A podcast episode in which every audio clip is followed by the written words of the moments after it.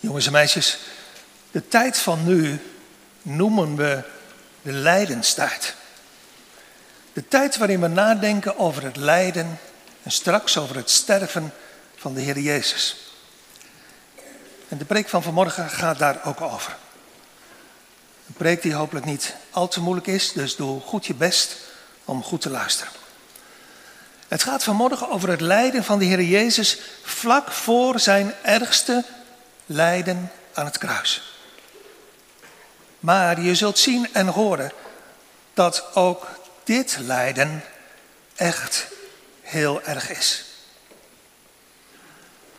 Maar voordat we samen in de Bijbel gaan lezen, eerst even deze vraag.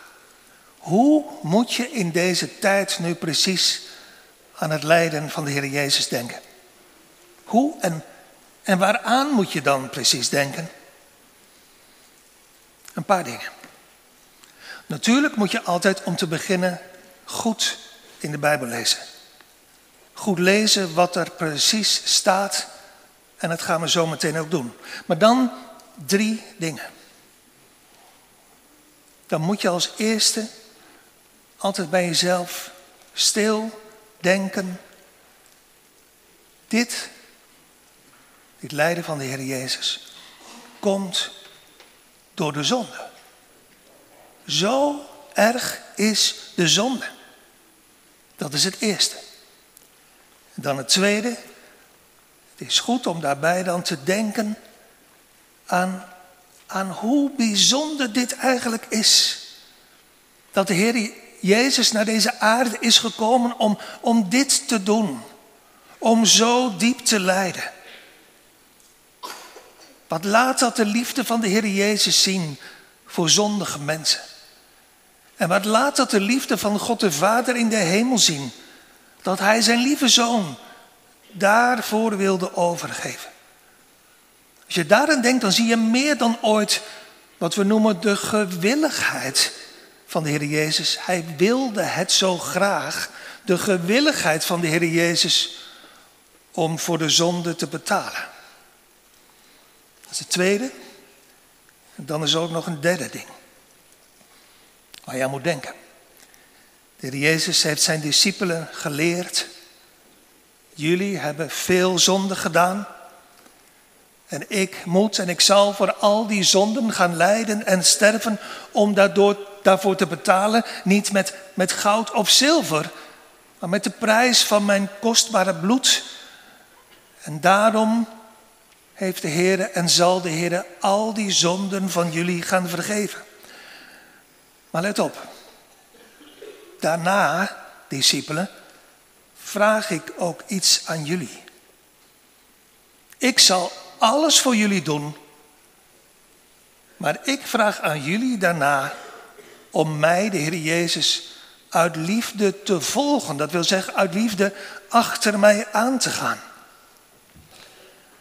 Letterlijk schrijft Petrus het later in de Bijbel zo. Ik, de Heer Jezus, wil dat jullie mijn voetstappen gaan volgen. Dan moet je jongens en meisjes een beetje denken aan de winter. Ja, die is nu voorbij, maar stel je voor het is winter en er ligt een dik pak sneeuw en er loopt iemand voor je. Als je naar beneden kijkt, dan zie je zijn of haar voetstappen in de sneeuw. En jij probeert met jouw voeten precies in diezelfde voetstappen te gaan lopen. Dan volg je de voetstappen van degene die voor je loopt.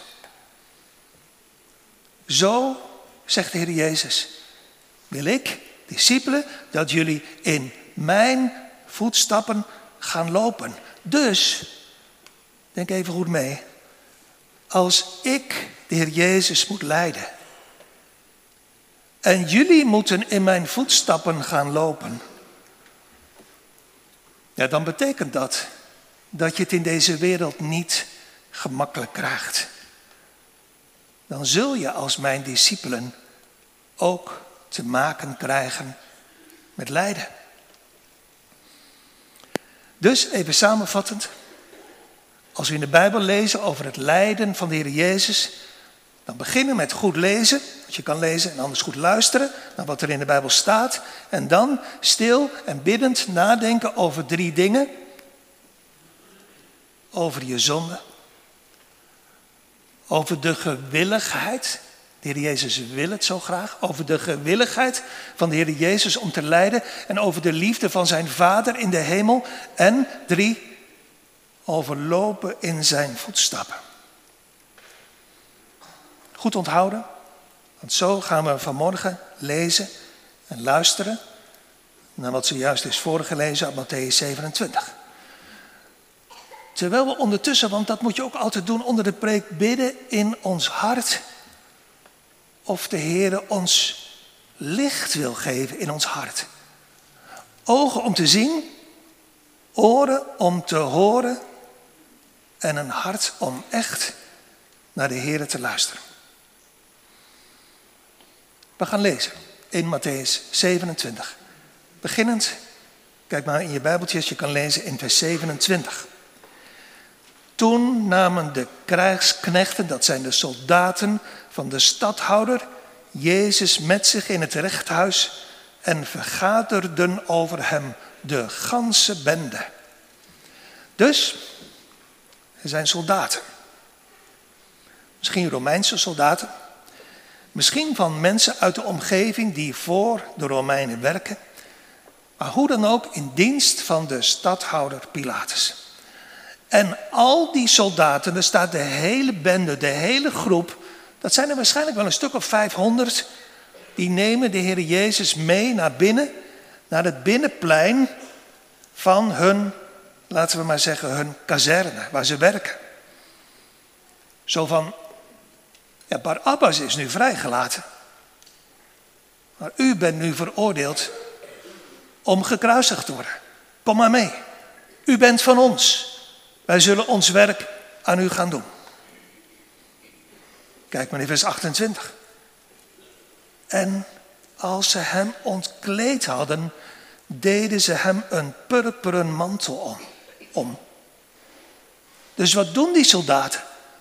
Ze ontkleden hem. Dat wil zeggen, ze trekken, ze kleren hem uit. Weet je, jongens en meisjes, wel hoe erg dat is als vreemde mannen Zoals deze soldaten hier. Je kleren van je lijf trekken. Dan, wat dan? Dan schaam je je diep. Denk daar even stil over na.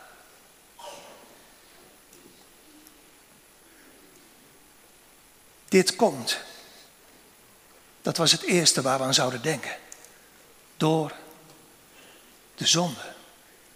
Zo erg is de zonde. Ooit in het paradijs hadden Adam en Eva geen kleren aan, dat weet je. Zo zijn we door de Heer geschapen, goed geschapen. En zij, Adam en Eva, ze schamen zich daar niet voor. Totdat ze ongehoorzaam worden. En eten van de boom van kennis van goed en kwaad, wat de Heer juist verboden had. Met andere woorden, ze kiezen tegen de Heer en voor de duivel. En ze vallen in de zonde. En daardoor gaat alles stuk. En zo voelen ze het ook ineens. We zijn naakt. We, we hebben geen kleren aan. En dus dus de Heer ziet alles. Hij kijkt dwars door ons heen. En dus verstoppen ze zich. En ze plakken bladeren van de vijgenboom aan elkaar om kleren voor zichzelf te maken. Want ze zijn bang voor de Heer. Dus twee dingen. Ze schamen zich diep en ze zijn bang omdat ze zonde gedaan hebben. En dat kennen we allemaal. Zonde doen. Verkeerde dingen doen tegen de Heer of tegen andere mensen. En dan je schamen en bang worden. Omdat je voelt, net als Adam en Eva dat ook voelden de Heer ziet en weet alles. Alsof hij dwars door me heen kijkt. Alsof er niets is wat me daartegen beschermt. Wat me onzichtbaar maakt. Alsof ik. Ja, dat klinkt een beetje raar, maar zo zegt de Bijbel het. Alsof ik zonder kleren naakt sta voor God. Want zegt de Bijbel, alle dingen. Alles wat we doen, alles wat we denken, alles wat we zeggen, alle dingen zijn naakt en geopend voor de Heer, met wie wij te doen hebben. Om de zonden van zijn kinderen worden de kleren van de Heer Jezus van hem afgetrokken. En zo draagt hij, zonder tegenstribbelen, gewillig, dat woord komt terug, dat moet je proberen te onthouden. Hij wil het zo graag, zo draagt de Heer Jezus gewillig de zonde van zijn kinderen in hun plaats. Hij zegt eigenlijk zonder woorden, het is goed. Hun schaamte en hun bang zijn, hun angst, zal ik dragen. En jongens en meisjes, zo wil zijn vader in de hemel het ook. De vader wil dat hij dit zal doen voor zijn kinderen. Zo moet het, zegt de Bijbel. Zo wil de Heer het, want de zonde moet gestraft worden. Of aan de Heer Jezus. Of aan ons. Dus jongens en meisjes, zie je hier niet alleen lijden en verdriet, angst en schaamte bij de Heer Jezus. Maar ook vooral, en dat was het tweede van de drie dingen, waar je al luisterend over na moet denken. Je ziet vooral de liefde van de Heer Jezus Christus. En de onbegrijpelijke liefde van zijn Vader in de hemel voor zondige mensen. Om die mensen, zoals de Bijbel dat zegt, weer kleren te geven. Te kleden met de mantel van zijn gerechtigheid. Met de mantel van het werk van de Heer Jezus. Om door die moeilijke weg van zijn lijden het voor hen weer goed te maken.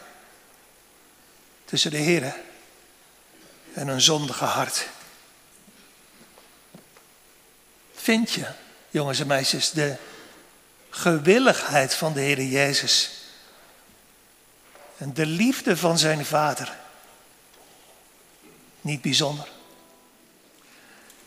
We gaan samen verder lezen in vers 28, waar staat: En als ze hem ontkleed hadden, deden zij hem een purperen mantel om. Want jongens en meisjes, de soldaten weten dat Heer Jezus veroordeeld is omdat hij gezegd heeft, ik ben de koning der Joden, de Messias, de zoon van God. En nu gaan ze expres met hem spotten. Door eigenlijk een heel gemeen spel met hem te spelen. Om eigenlijk tegen hem te zeggen, u bent geen echte koning. U bent een nepkoning. Ze doen hem een donkerrode soldatenjas aan, een soort mantel van een koning, maar dan niet echt. En vers 29, een kroon van doornen gevlochten hebbende, zetten die op zijn hoofd. En een rietstok in zijn rechterhand. En vallende op hun knieën voor hem bespotten zij hem, zeggende, Wees gegroet, gij koning der Joden die binnenplaats van de kazerne liggen vast takken met dorens, brandhout om een vuurtje van te stoken. En daar maken ze, daar vlechten ze een, een krans, een kroon van, die ze op zijn hoofd duwen. Auw. Dat doet echt heel veel pijn, want die dorens die prikken overal in zijn hoofd en het bloed loopt ongetwijfeld langs zijn gezicht. Hier, koning, dat is uw kroon. En staat er, ze geven hem een rietstok, een hele dunne stok of staf. Hier, koning, Dat is uw scepter, uw staf. En dan vallen ze op de knieën, staat er. Zogenaamd eerbiedig. Maar ze spotten met hem. Ze maken hem belachelijk en zeggen: Gegroet, koning van de Joden, onze naammaakkoning, onze brandhout, onze brandhoutkoning. Wat is het erg, jongens en meisjes, dat dit allemaal gebeurt. Want dit is niet zomaar een gevangene. Dit is niet zomaar een mens. Dit is al helemaal geen misdadiger. Dit is echt de koning. De koning der koningen. De Heere van alle heren. Maar ze spotten met hem. Met die rode, met die purperen jas. Met die doornenkroon van brandhout en met die staf. Denk daar eens even stil over na.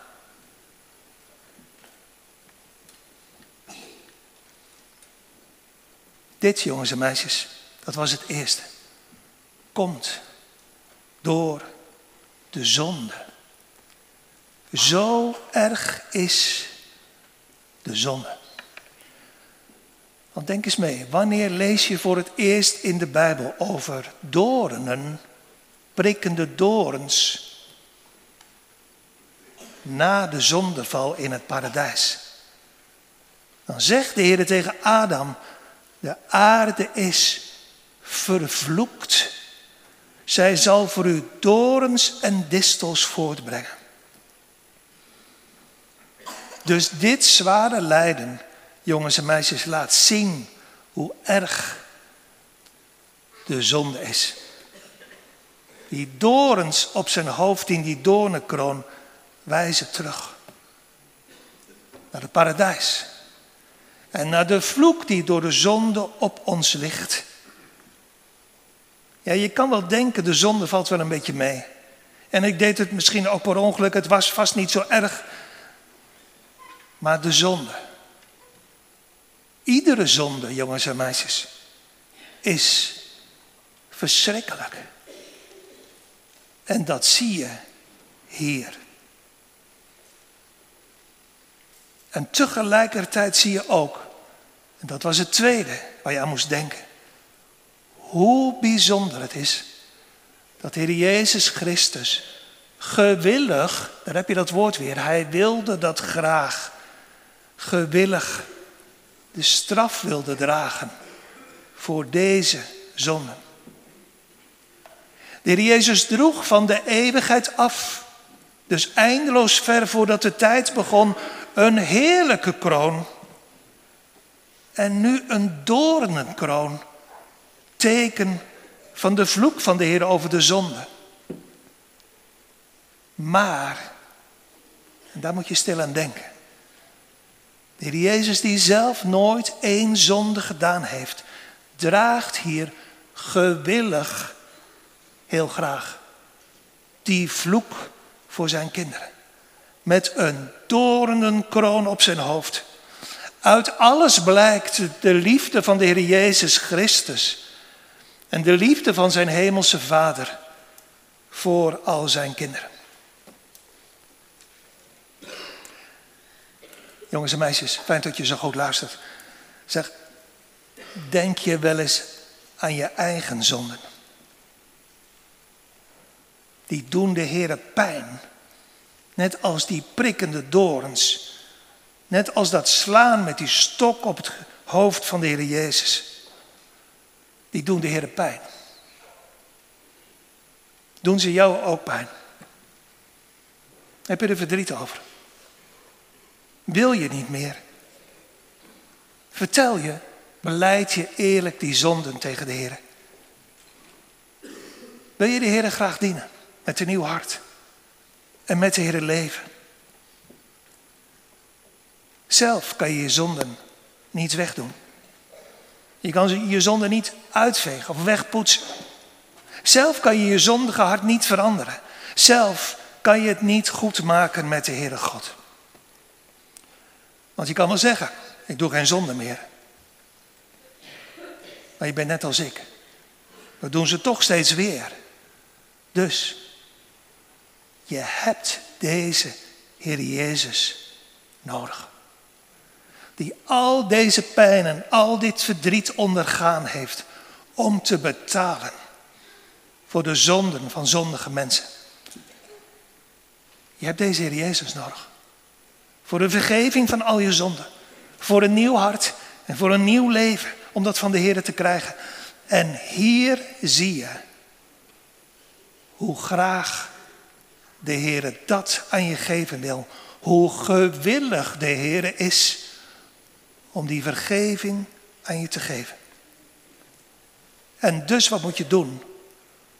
Dus moet je bidden naar de Heer toe gaan en zeggen: Vergeeft u, Heer, om alles wat u geleden hebt, alstublieft ook mijn zonde. Die zonden zijn zo erg. Die zonden van mij, die hebben u zo beledigd.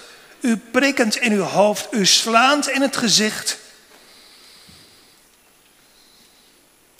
De Heer, jongens en meisjes, wil je graag verhoren. Als je zo bidt en zo je zonden tegen Hem vertelt. Want de Heer vergeeft graag. Snap je trouwens ook als je daaraan denkt dat als de Heer dan je zonde vergeeft, dat je dan meer dan ooit nooit geen zonde meer wil doen? Het lijden van de Heer Jezus, waar het hier over gaat, laat ons zien drie dingen. Hoe erg de zonde is, met hoeveel liefde, hoe graag, hoe gewillig de Heer Jezus voor zulke zonde wil betalen. En daarom is er, zegt de Bijbel, vergeving van zonde in zijn bloed. En het derde is, dit lijden wil ons ook leren om, weet je nog van de sneeuw, om de voetstappen van de Heer Jezus te volgen. Bijvoorbeeld, jongens en meisjes, nog even denkend aan dat laatste waar het net over ging, aan die dorens, aan die doornenkroon. Dorens zijn in de Bijbel ook een teken van, dat wil zeggen iets wat wijst naar pijn, moeite, verdriet. Soms gebruikt de Heer dat, die pijn en die moeite en dat verdriet, om mensen een zonde te laten zien, om mensen te bekeren, om mensen de Heer te laten gaan zoeken, om ze een nieuw hart te geven. Ja, want je kan wel denken, misschien denk jij dat ook wel eens. Heren, waarom? Waarom zoveel narigheid en pijn en verdriet en tegenslag? Waarom loop ik op een pad, zo voelt het, vol prikkende dorens? Waarom, heren, legt u die dorens op mijn pad? Waarom? Om je te bekeren. Zodat je niet door zult gaan met je zonde. Maar onverdiend door de genade van de Heer weer teruggebracht zou worden bij Hem. Dus jongens en meisjes, als dingen, ook als je klein bent, als je jong bent, als dingen je pijn doen, vergeet dan niet dat de Heer je daardoor roept vriendelijk roept om Hem te gaan zoeken, om te gaan bidden, om terug te komen bij Hem. Maar ook Gods kinderen, mensen met een nieuw hart, hebben vaak moeilijke dingen in hun leven. Dorens die, en je snapt dat is een beeld, geen echte doorns die je ziet, maar doorns, zo voelt het, die prikken. Paulus zegt letterlijk, ik heb een scherpe doorn in mijn vlees. Iets wat ik heel naar en heel moeilijk vind. Iets wat me heel veel pijn doet. Waarom? Om zo met die doorn in het vlees de voetstappen te volgen van de Heer Jezus. Die een hele kroon van dorens op zijn hoofd droeg. om ons zo te leren die moeite en dat verdriet en die pijn te dragen met een gelukkig en met een geduldig hart. Gelukkig, omdat die ene kleine doorn in mij me steeds herinnert aan het lijden van mijn lieve Heer Jezus die zoveel meer, die oneindig veel meer leed onder zijn doornenkroon. Gelukkig, zei ik, en geduldig.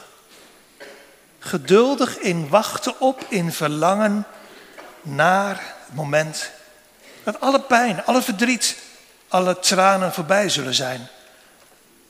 En we voor altijd bij de Heer zullen zijn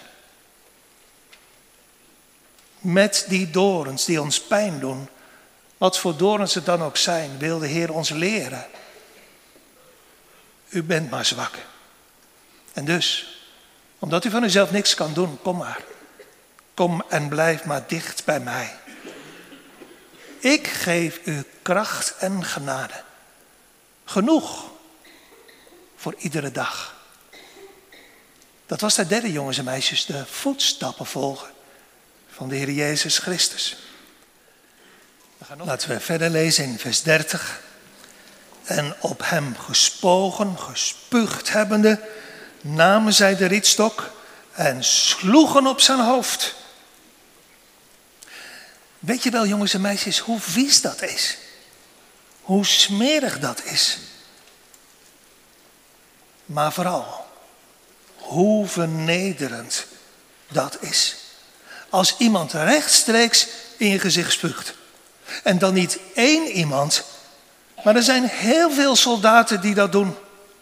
Ze spugen de Heer Jezus in zijn vriendelijke gezicht. Denk daar eens even stil over na.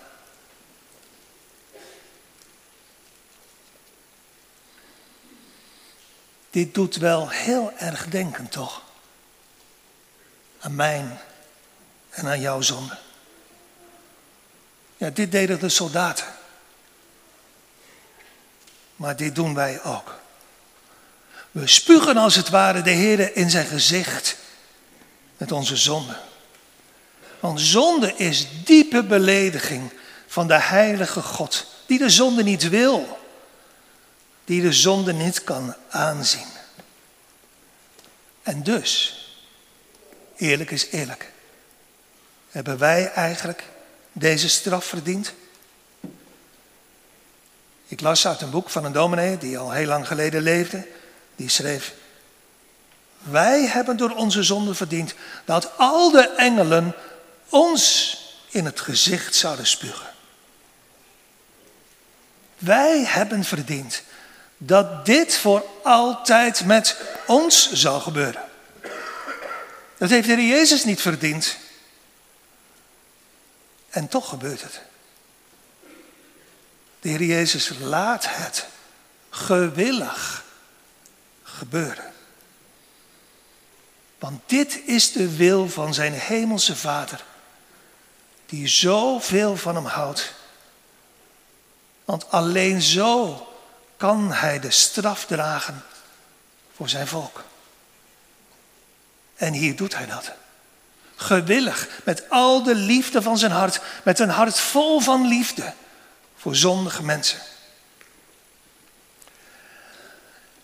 Ik ben eigenlijk wel benieuwd, jongens en meisjes, hoe jullie ondertussen naar deze koning kijken.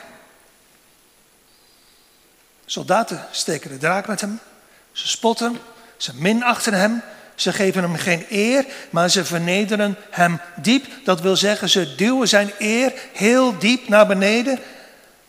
Maar jij? Jij? Wat doe jij met Jezus?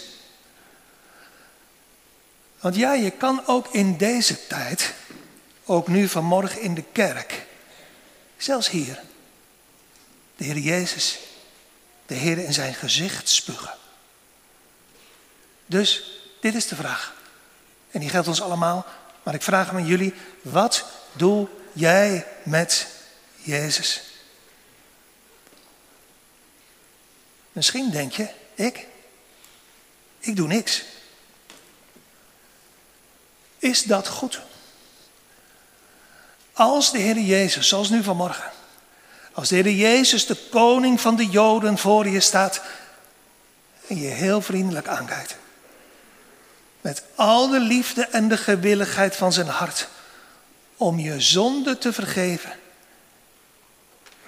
En jij zegt, ik doe niks. Kwam hij daarvoor naar deze wereld? Voor niks? Misschien zeg je eerlijk, ja, ik heb vaak geluisterd en gelezen in de Bijbel, maar tot nu toe ben ik gewoon doorgegaan. Door, ja, door eigenlijk nee te zeggen tegen de Heer. Toen de Heer tegen me zei, als je bidt, dan zal ik je geven, dan zal ik verhoren. Als je me zoekt, dan zal je me vinden. Toen zei ik, diep in mijn hart, nee Heer, daar heb ik eigenlijk helemaal geen zin in. En toen de Heer tegen me zei dat hij graag, gewillig mijn zonde zou willen vergeven, toen zei ik diep in mijn hart, zonder dat iemand het hoorde, nee hoor Heer, ik, ik probeer het zelf uit te zoeken. Maar wees nou eerlijk.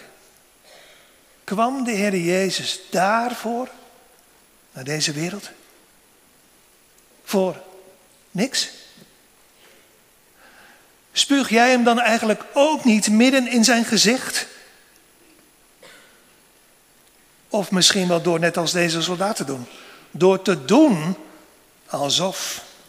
Door net te doen alsof je voor hem baagt. Door net te doen alsof je hem lief hebt. Maar in je hart hou je veel meer van andere dingen. Zij, die soldaten, spugen de Heer in zijn gezicht. Laat zien, eerste, hoe slecht de zonde is. Tweede, hoeveel liefde de Heer Jezus heeft om dit gewillig te ondergaan. Voor? Ja, voor dat soort van mensen die dat doen. Hem midden in zijn gezicht spugen. Bid dus stil, jongens en meisjes, in je hart, heren. Omdat mijn zonden zoveel zijn. Ik ben eigenlijk ook zo'n spuger. Maak om, om Hem, om Jezus wil, mij rein. Er was nog iets, weet je nog, dat derde ding van die voetstappen. Zij, die soldaten, hebben de Heer hier gespuugd, geminacht, belachelijk gemaakt. Dus dan weet je, als je kind van de Heer mag zijn, dat sommige mensen dat met jou ook zullen gaan doen. Wij mensen van de kerk die denken vaak, de mensen van de wereld, wie het ook zijn, die moeten respect voor ons hebben. Die moeten ons niet tegenwerken. Die moeten ons het leven niet zuur maken. Die moeten ons helpen. Die moeten ons waarderen. Die moeten ons misschien wel complimentjes geven omdat we zo goed zijn. Maar jongens en meisjes, dat is een grote vergissing. Want het is helemaal geen eer voor discipelen van de Heer Jezus om dat soort van complimentjes te krijgen. Dat is een foute gedachte. Als wij als kinderen van de Heer de Heer gaan volgen, zullen de mensen, ja dan misschien niet letterlijk, maar op een andere manier ons ook gaan bespugen. Want het moet, als het goed is, ons gaan lopend in de voetstappen. Zoals het met Jezus ging. Dat hoort. Ja, dat zeg ik eerlijk, want de Bijbel zegt dat ook eerlijk. Bij dat gelukkige leven met de Heer. Dat mensen soms met ons spotten, tong uitsteken, ons raar vinden, ons belachelijk vinden, ons tegenwerken, ons dwars zitten. Dat is wat de wereld doet. Dat ziet u hier, gemeente. Met heiligheid.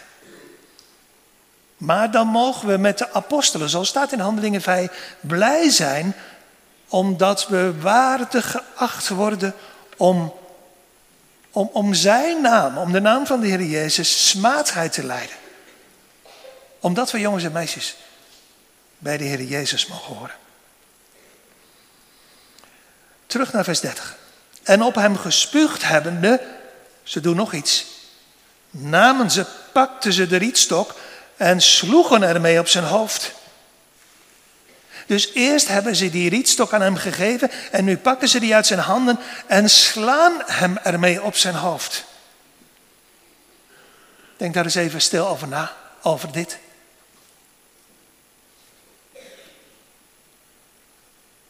Dit laat weer zien, jongens en meisjes, dat was het eerste. Hoe erg onze zonde is.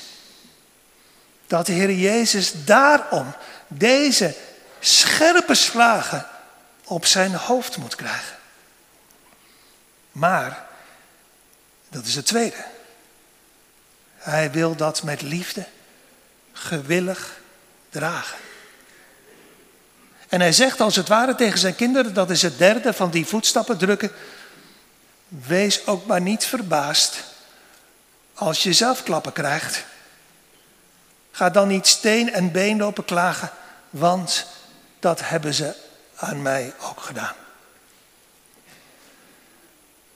Jongens en meisjes, wat een lijden. Begon met kleren uitgetrokken, donkerrode mantel om, om met hem te spotten, kroon op zijn hoofd, staf in zijn hand, waar ze hem vervolgens mee slaan, vuistslagen in zijn gezicht. Soldaten die voor hem knielen, maar het is nep, die zeggen, nou daar staat u, koning van de Joden. Maar denk nog één keer goed met me mee. Zijn het alleen de soldaten die dat toen hebben gedaan? Die soldaten die met de Heer Jezus spotten? Doen wij dat ook niet? Bijvoorbeeld, ik zal een paar voorbeelden noemen. Als de Heer tegen je zegt, jongens en meisjes, vertel nu al je zonden maar eerlijk tegen mij en vraag me om vergeving. Maar jij denkt bij jezelf, nee nu niet hoor, daar heb ik nu geen zin in. Ik ben bezig met anderen en met veel leukere dingen. Als de Heer, tweede voorbeeld, als de Heer nu tegen je zegt, ga me nu zoeken. Ga me zoeken, dan zul je me vinden. Maar jij denkt, ja, maar later als ik groot ben, kan het ook nog wel. Als de Heer, derde voorbeeld, tegen je zegt, luister, ga nou bidden. Zoek een plek in huis waar je stil kunt bidden. Maar jij denkt bij jezelf, ah, gewoon geen zin in. Zeg nou eerlijk, ben je dan niet hetzelfde? En doe je dan niet hetzelfde als dat deze soldaten doen? Niet echt voor de Heer buigen. Maar zittend hier in de kerk, doen alsof. Maar er is gelukkig nog iets. Denk eens met me mee. Voor wat voor soort mensen kwam de Heer Jezus naar deze wereld? Om te lijden en te sterven. Voor goede mensen, voor gelovige mensen, voor mensen die, die dat verdiend hadden?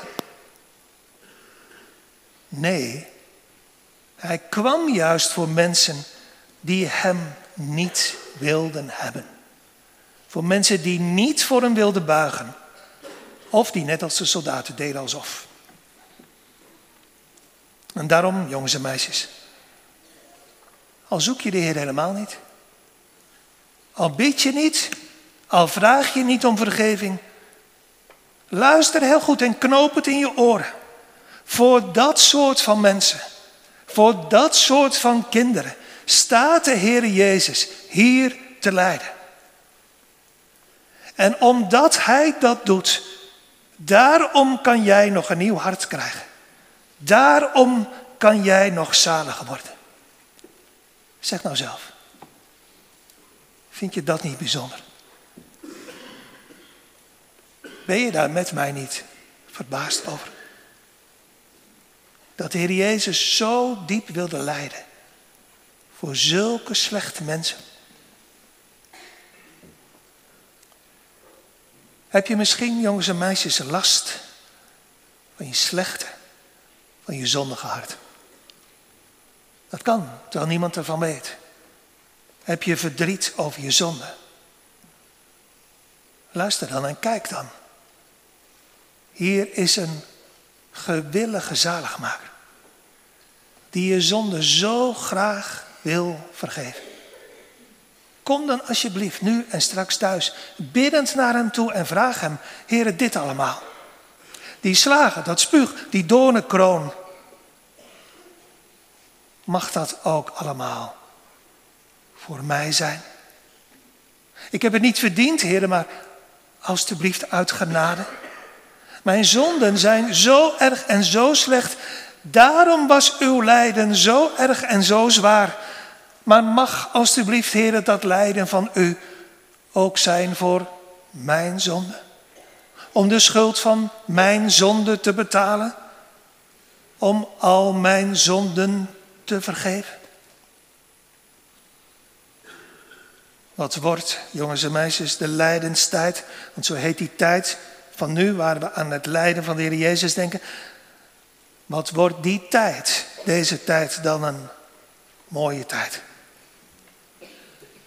Want dan zie je in alles, dan zie je overal, door het spuug van die soldaten, door het bloed en de tranen van de Heer Jezus heen, het mooie, het onbegrijpelijke schitteren van de liefde en van de gewilligheid van de Heer Jezus voor zondaars.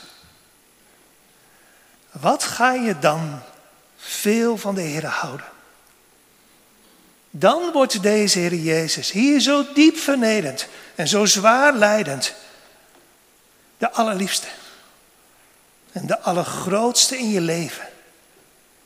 Letterlijk de koning van alle koningen en de Heere van alle heren. Een Heere die, die steeds groter voor je wordt.